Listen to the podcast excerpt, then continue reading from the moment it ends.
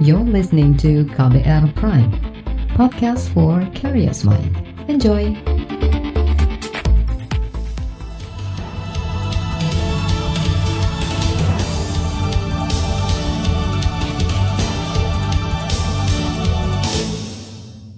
Selamat pagi saudara, senang sekali rasanya saya, Reski Mesanto hadir kembali pagi hari ini melalui program Buletin Pagi, edisi Selasa 30 Juni 2020.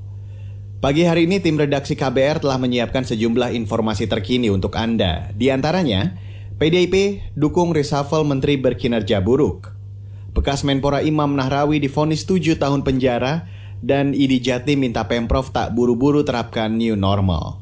Saudara, inilah buletin pagi selengkapnya. Terbaru di buletin pagi. Kita mulai buletin pagi hari ini. PDI Perjuangan mendukung perombakan kabinet yang berkinerja buruk saat pandemi COVID-19. Ancaman reshuffle kabinet sebelumnya dilontarkan Presiden Joko Widodo pada pertengahan bulan ini terhadap para menteri yang tidak bekerja maksimal. Salah satu ketua DPP PDI Perjuangan Arya Bima mengatakan, Penggantian menteri merupakan hak penuh presiden dan butuh ada ketegasan dari presiden. Kalau itu disampaikan ke publik dan tidak segera di reshuffle, tidak segera ditindakan, yang terjadi adalah kinerja menterinya tidak menjadi maksimal karena jajaran birokrasinya menjadi setengah-setengah. Ini penting. Jadi menurut saya itu sepenuhnya di wilayah kewenangan penuh hak prerogatif presiden tidak perlu harus terlalu sering disampaikan ke publik. Kalau disampaikan ke publik juga akan menjadi gorengan politik dan maka menurut saya keputusan mengenai reshuffle itu ketegasan dari Pak Presiden aja yang yang penting. Itu tadi politisi senior PDI Perjuangan Arya Bima. Pernyataan serupa juga disampaikan Sekjen PDI Perjuangan Hasto Kristianto dalam keterangan tertulisnya. Hasto mengatakan setiap anggota kabinet seharusnya peka terhadap krisis dan berani mengambil tanggung jawab melalui kebijakan atau terobosan untuk membantu rakyat. PDI Perjuangan berharap apa yang disampaikan Jokowi memacu kinerja kabinet bekerja lebih keras di tengah pandemi COVID-19. Sebelumnya, Presiden Joko Widodo kecewa terhadap kinerja para menteri yang tidak maksimal dalam menangani pandemi COVID-19. Salah satu yang kena semprot Jokowi adalah Menteri Kesehatan Terawan Agus Putranto yang dianggap lambat dalam mencairkan dana insentif bagi tenaga kesehatan. Presiden Jokowi bahkan mengancam akan meresafel jajarannya itu.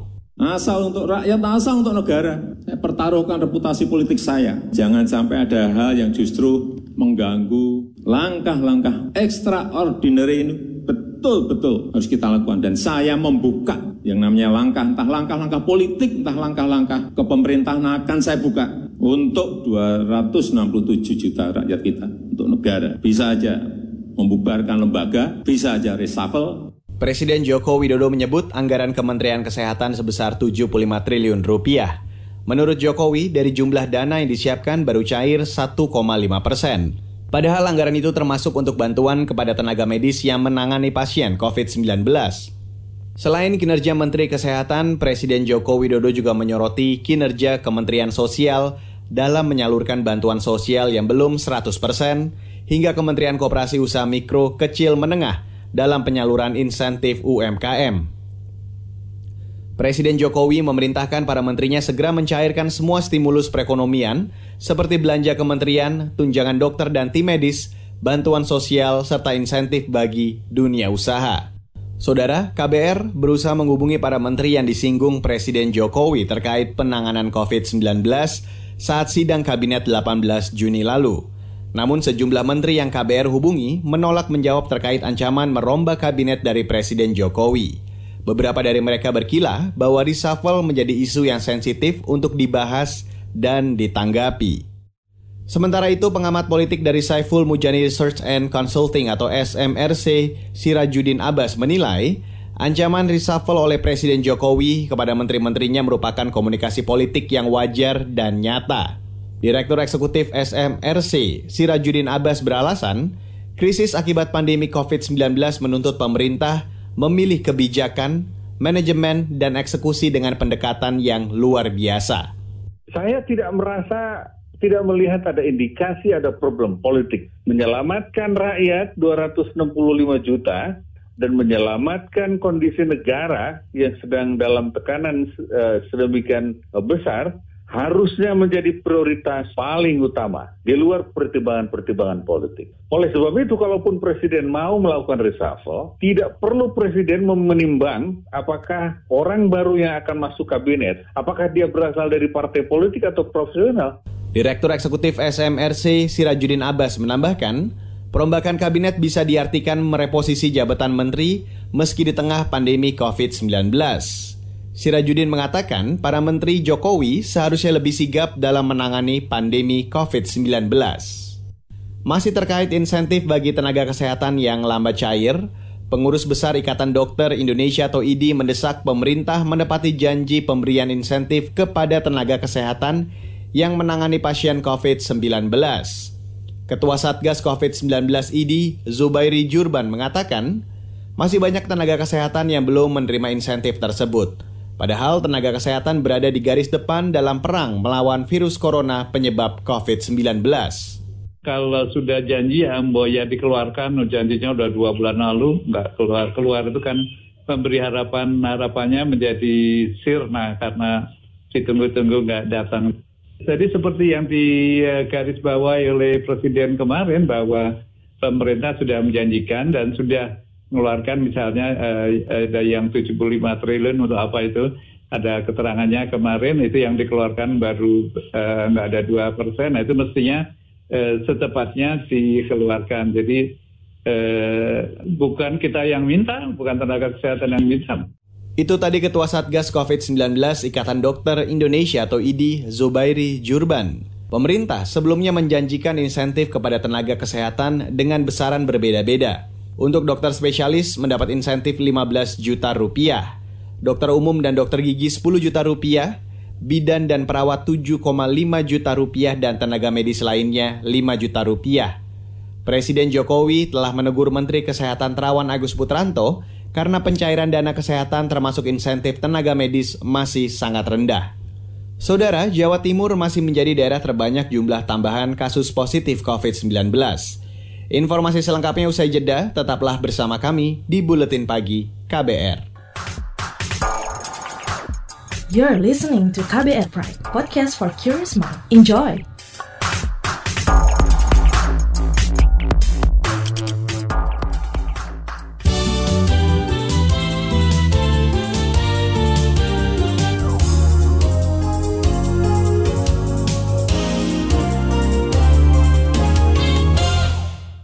Kita lanjutkan buletin pagi hari ini. Provinsi Jawa Timur masih menjadi daerah dengan tambahan kasus positif COVID-19 terbanyak dalam sehari terakhir. Juru bicara pemerintah untuk penanganan COVID-19 Ahmad Yuryanto mengatakan, ada tambahan hampir 300 orang positif terpapar virus corona di Jawa Timur. Disusul Jawa Tengah dengan hampir 200 kasus, daerah lain yang mencatat kasus terbanyak lainnya adalah Sulawesi Selatan dan DKI Jakarta. Dari pemeriksaan spesimen yang hari ini kita dapatkan, maka kita mendapatkan kasus konfirmasi positif 1082 orang. Sehingga total konfirmasi menjadi 55.092 orang. Juru bicara pemerintah untuk penanganan COVID-19 Ahmad Yuryanto menambahkan, dari total 55.000 kasus positif COVID-19, sebanyak 28.000 orang masih dirawat, 23.000 orang sembuh dan 2.800 orang meninggal. Jumlah orang dalam pemantauan dan pengawasan juga bertambah menjadi total 54.000 orang. Kita beralih ke informasi hukum Pengadilan Tindak Pidana Korupsi Jakarta Pusat menghukum bekas Menteri Pemuda dan Olahraga dengan hukuman 7 tahun penjara dan denda 400 juta rupiah subsidi 3 bulan kurungan penjara. Imam Nahrawi dinyatakan bersalah dalam kasus korupsi dana hibah koni dan gratifikasi. Ketua Hakim Pengadilan Tipikor Jakarta Pusat Rosmina mengatakan ada sejumlah hal yang memberatkan Imam Nahrawi. Hakim menilai Imam selaku pimpinan tertinggi dalam kementerian pada saat menjabat seharusnya menjadi panutan. Jika harta benda terdakwa tidak mencukupi, maka dipidana dengan pidana penjara selama dua tahun. 4. Menjatuhkan hukuman tambahan kepada terdakwa Imam Nahrawi berupa pencabutan hak untuk dipilih dalam jabatan publik selama 4 tahun yang dihitung sejak terdakwa selesai menjalani pidana pokok. 5. Menyatakan menolak permohonan justice kolaborator yang diajukan oleh terdakwa. 6. Ketua Hakim Pengadilan Tipikor Jakarta Pusat Rosmina menambahkan, Imam Nahrawi juga mendapat hukuman pidana tambahan berupa membayar uang pengganti kepada negara berjumlah 18,1 miliar rupiah. Jika bekas politisi PKB itu tidak membayar uang pengganti dalam waktu satu bulan setelah putusan tetap, maka harta benda dapat disita oleh jaksa untuk dilelang guna menutupi uang pengganti. Hukuman hakim itu lebih ringan dari tuntutan jaksa KPK yang sebelumnya menuntut 10 tahun penjara. Sementara itu, Saudara Jaksa Agung ST Burhanuddin berjanji segera mengevaluasi persidangan kasus penganiayaan penyidik Komisi Pemberantasan Korupsi atau KPK Novel Baswedan. Ia mengatakan kejaksaan akan melihat apakah ada ketidakselarasan dalam tahap pemutusan tuntutan jaksa terhadap terdakwa. Ini juga menjadi evaluasi kami Pak. Saya tidak, tidak menyalahkan juga jaksanya. Dan biasanya jaksa. Jaksa ini menuntut berdasarkan fakta di persidangan. Nah nanti akan kami evaluasi juga kenapa jaksa sampai menuntut demikian. Karena itu tidak sampai saya penuntutannya. Tapi akan saya minta nanti evaluasi lagi. Kenapa? Karena berdasarkan ini jaksa ini menuntut adanya berdasarkan fakta-fakta yang diketemukan di persidangan. Dan kami juga nanti akan uh, balanskan dengan putusan pengadilannya. Kalau nanti jomplang, berarti ada sesuatu di situ. Itu tadi Jaksa Agung ST Burhanuddin.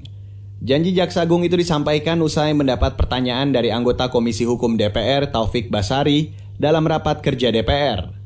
Dalam kesempatan itu Taufik mempertanyakan rendahnya tuntutan jaksa terhadap dua terdakwa pelaku penyerang Novel Baswedan. Sebelumnya, dua terdakwa kasus penyiraman air keras kepada Novel Baswedan yakni Roni Bugis dan Rahmat Kadir dituntut satu tahun penjara oleh jaksa penuntut umum. Tuntutan ini menuai protes dari para pegiat anti korupsi. Saudara, Markas Besar Kepolisian kembali memperpanjang operasi Tinombala di Sulawesi Tengah. Operasi Tinombala merupakan operasi gabungan Polri dan TNI untuk memburu kelompok teroris Mujahidin Indonesia Timur. Operasi yang berakhir 28 Juni diperpanjang selama 3 bulan hingga 30 September 2020. Juru bicara Mabes Polri, Awi Setiono mengatakan, perpanjangan masa operasi ini dilakukan karena masih terdapat target operasi sebanyak 14 orang yang belum tertangkap.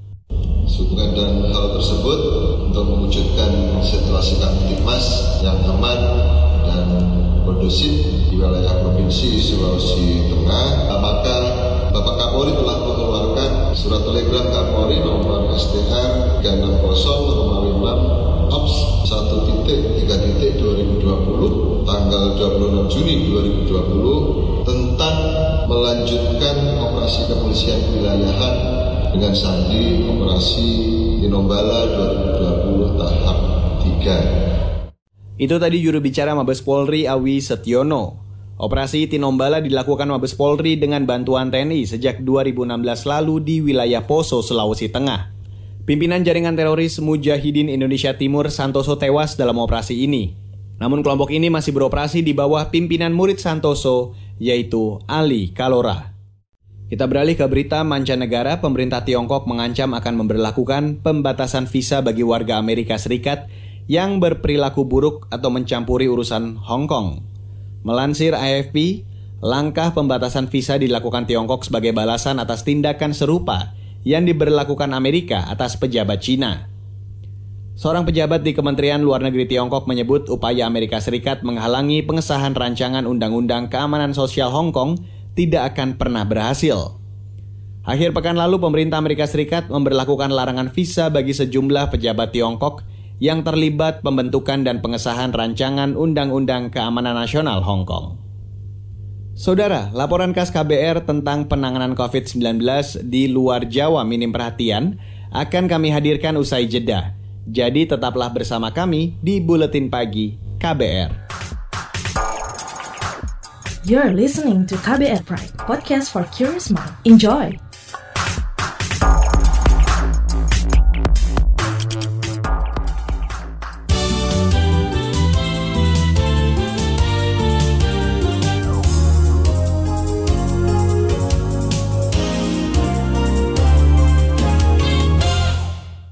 Penanganan COVID-19 di luar Jawa minim perhatian. Padahal persebaran kasus di daerah semakin meluas. Kesenjangan nyata terlihat pada ketersediaan fasilitas kesehatan, kapasitas tes hingga jumlah tenaga medis. Ibaratnya, daerah diminta berperang total melawan virus tetapi tak punya cukup senjata untuk menang. Simak laporan tim KBR yang akan dibacakan Astri Yuwanasari. Asgar Saleh, warga Maluku Utara menginisiasi gerakan koin untuk PCR. Ia mengajak warga patungan untuk membeli mesin PCR, alat diagnosis spesimen COVID-19. Direktur LSM Rorano ini sudah jengah dengan lambannya penanganan virus corona. Pemerintah provinsi belum mampu menguji sendiri spesimen karena ketiadaan mesin PCR. Selama ini hasil tes usap harus menunggu sedikitnya dua pekan karena spesimen dikirim dulu ke Manado atau Makassar, Sulawesi Selatan. Kita jadi kesulitan untuk memutus mata rantai penularan karena kecepatan untuk penegakan diagnostik sama sekali tidak ada. Memang di sini ada dua unit mesin PCR, tapi kan runningnya itu setiap hari palingan cuma 40 sampel yang bisa diuji. Dan itu lambat dibanding dengan progres kasus yang sudah diperiksa atau diambil swabnya. Asgar mendesak Pemprov membuka laboratorium level 2 sesuai standar Organisasi Kesehatan Dunia WHO. Keberadaan laboratorium itu bisa meningkatkan jumlah spesimen yang diuji per hari. PCR itu kan dia sekali running untuk memeriksa sampel itu sehari bisa 100 sampai 150 sampel. Sehingga logikanya kalau ada 100 sampai 150 yang running setiap hari diketahui hasilnya, otomatis kalau dia positif misalnya, berarti kita akan lakukan tracking dalam 72 jam terhadap uh, pasien-pasien uh, yang sudah berkontak tuh sehingga pemutusan rantai penularan itu bisa dilokalisir pada uh, komunitas paling kecil. Protes warga berbuah hasil. Kamis 24 Juni lalu, satu unit mesin PCR diserahkan Badan Nasional Penanganan Bencana BNPB ke Pemprov Maluku Utara. Asgar menyambut baik kedatangan mesin PCR dan berharap gerak penanganan COVID-19 bakal lebih cepat. Ia tetap akan melanjutkan gerakan koin untuk PCR. Donasi sumbangan warga akan diserahkan ke gugus tugas provinsi. Sekitar 7 sampai 8 juta yang masuk ke rekening uh, Rorano, kemudian dana itu akan kita serahkan ke gugus tugas Provinsi Maluku Utara untuk membantu pembelian PCR. Beragam kelas masyarakat datang berbondong-bondong menyerahkan bantuan. Kenapa? Karena mereka ingin hidup sehat, karena mereka ingin ada kepastian terhadap penanganan COVID di Maluku Utara. Namun percepatan penanganan wabah masih terganjal keterbatasan jumlah tenaga medis dan fasilitas kesehatan. Menurut Asgar, banyak dokter dan perawat yang terinfeksi corona. Selain itu, seluruh ruang isolasi sudah kepenuhan oleh pasien COVID-19. Ada beberapa dokter yang sudah positif, sekitar uh, eh, 9 sampai 15 perawat sekarang juga terkonfirmasi positif sementara dirawat dan tidak sebanding memang antara jumlah penduduk yang mesti dihadapi. Maluku Utara itu 1.255.000 mas, di Ternate ada 220.000 orang. Overall tenaga perawat kita yang ready itu untuk satu provinsi cuma 3.700, sehingga memang tidak sebanding dengan uh, kesiapan kita dibanding untuk uh, menghadapi COVID ini. Minimnya fasilitas kesehatan juga terjadi di kota Jayapura, Papua. Pekan lalu, puluhan pasien COVID-19 terpaksa dipulangkan karena ruang isolasi di rumah sakit sudah penuh. Demikian pula dengan ruang isolasi di seratusan hotel yang disewa Pemkot. Per 21 Juni, kota Jayapura memang tercatat sebagai daerah dengan rasio kasus COVID tertinggi kedua setelah Jakarta Pusat. Wakil Wali Kota Jayapura sekaligus Ketua Gugus Tugas Penanganan COVID-19, Rustan Saru. Sebanyak 96 orang yang karantina mandiri di rumah untuk kami berikan perawatan. Karena tempat untuk perawatan saat ini sudah full di Kota Jayapura khususnya kepada yang COVID. Layanan untuk pasien umum mulai terganggu karena fasilitas kesehatan kewalahan menangani kasus COVID-19. Sejumlah rumah sakit pemerintah maupun swasta sampai menolak merawat pasien umum karena ruangan penuh. Beberapa pekan terakhir, Komisi Kesehatan DPR Papua menerima aduan warga yang dirugikan. Sekretaris Komisi Kesehatan DPR Papua, Fauzun Nihayah, menuturkan ada korban kecelakaan mengalami pendarahan, tetapi ditolak lima rumah sakit. Korban baru mendapat penanganan medis beberapa jam kemudian, tetapi nyawanya tak tertolong. Harusnya itu dicek dulu minimal ada e, bantuan penanganan awal, jangan sampai kemudian belum diapa-apakan sudah ditolak gitu.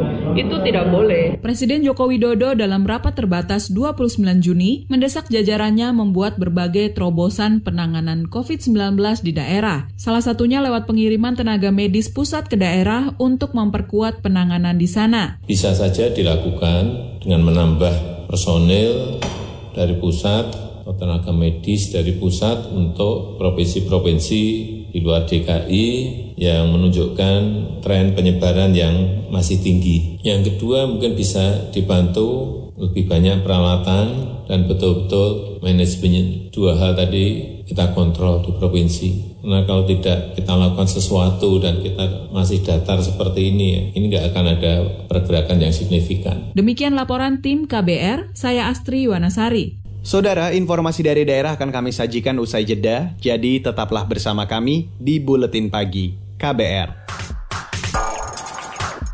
You're listening to KBR Pride, podcast for curious mind. Enjoy!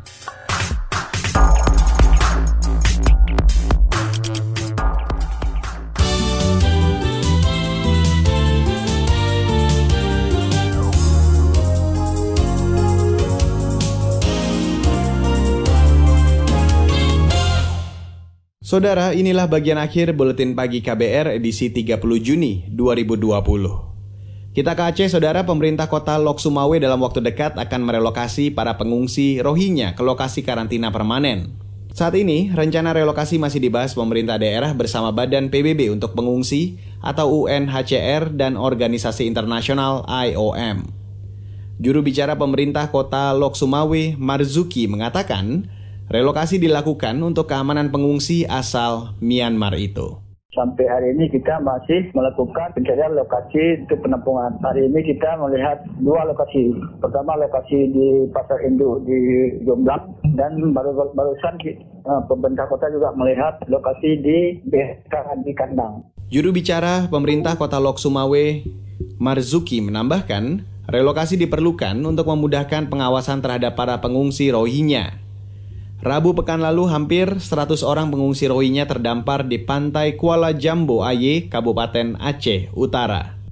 Sekarang saya ajak Anda ke Jawa Timur. Saudara Ikatan Dokter Indonesia atau IDI meminta pemerintah Provinsi Jawa Timur tidak terburu-buru menerapkan status kenormalan baru atau adaptasi kebiasaan baru di masa pandemi COVID-19.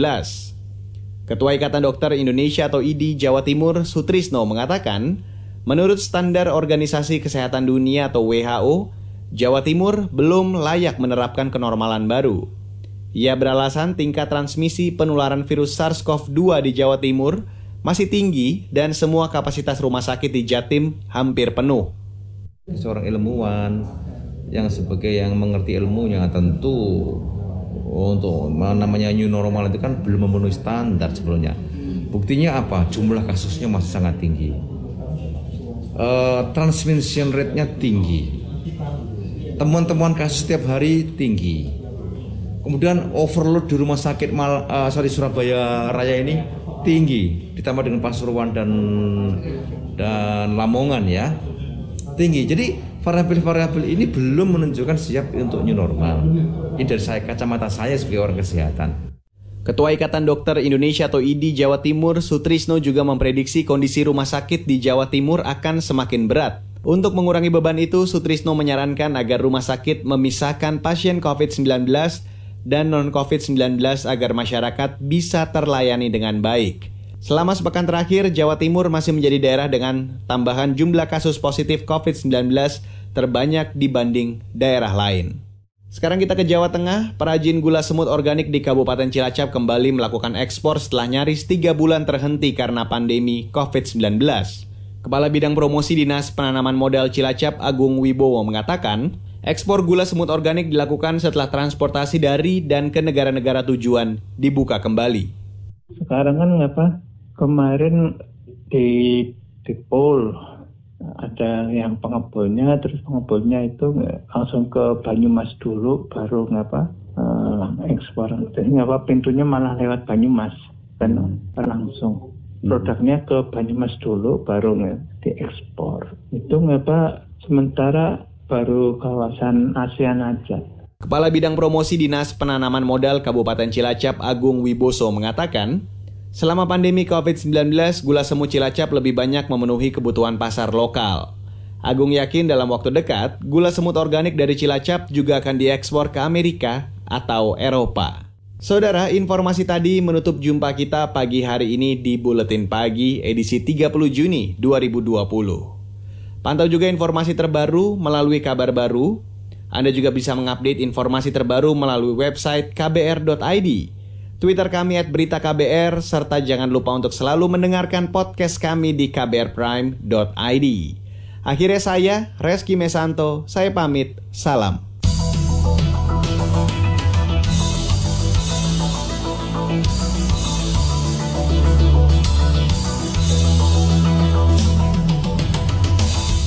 KBR Prime, cara asik mendengar berita.